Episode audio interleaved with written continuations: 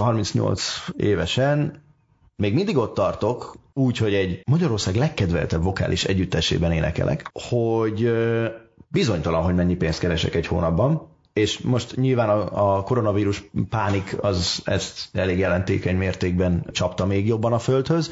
Én nem tudok azzal számolni, hogy ennyi biztosan lesz, és biztos, Igen. hogy mindent be, minden számlát be tudok fizetni, és biztos, hogy a gyerekeknek a tanítatása, a menza, edzés, hogy hívják ezt, hozzájárulása, és a ruházkodása, és egyébként a kajája, és, és a bármi, ez valójában, ez a fajta létbizonytalanság, amit ez az életforma ad, az, az, az elég nagy szívás. Hát és azért mond, mond hogy, hogy, hogyha nem lenne pénz, hogyha az egyháznak nem lenne pénze, akkor, akkor azért a, akkor nem lenne tettő a fejed fölött. Jezsuitaként elvileg szegénységi fogadalmam van, és ebben tényleg van olyan, hogy kevesebb pénz fölött rendelkezem, és kevesebbet tudok összespórolni, mint te, viszont a létbizonytalanság nem fenyeget. Tehát, hogy azért az, hogy a jezsuita rend, magyarországi rendtartománya annyira csődbe menjen, hogy ne legyen felettem tető, meg étel, azért az sokkal-sokkal valószínűtlenebb, mint hogy te. És ez ilyen szempontból ezek nekem mindig ilyen tök furcsa, vagy. Ja, hogy fordított helyzetben vagyunk. Igazából, te sokkal nagyobb létbizonytalanságban vagyok, mint, vagy mint én,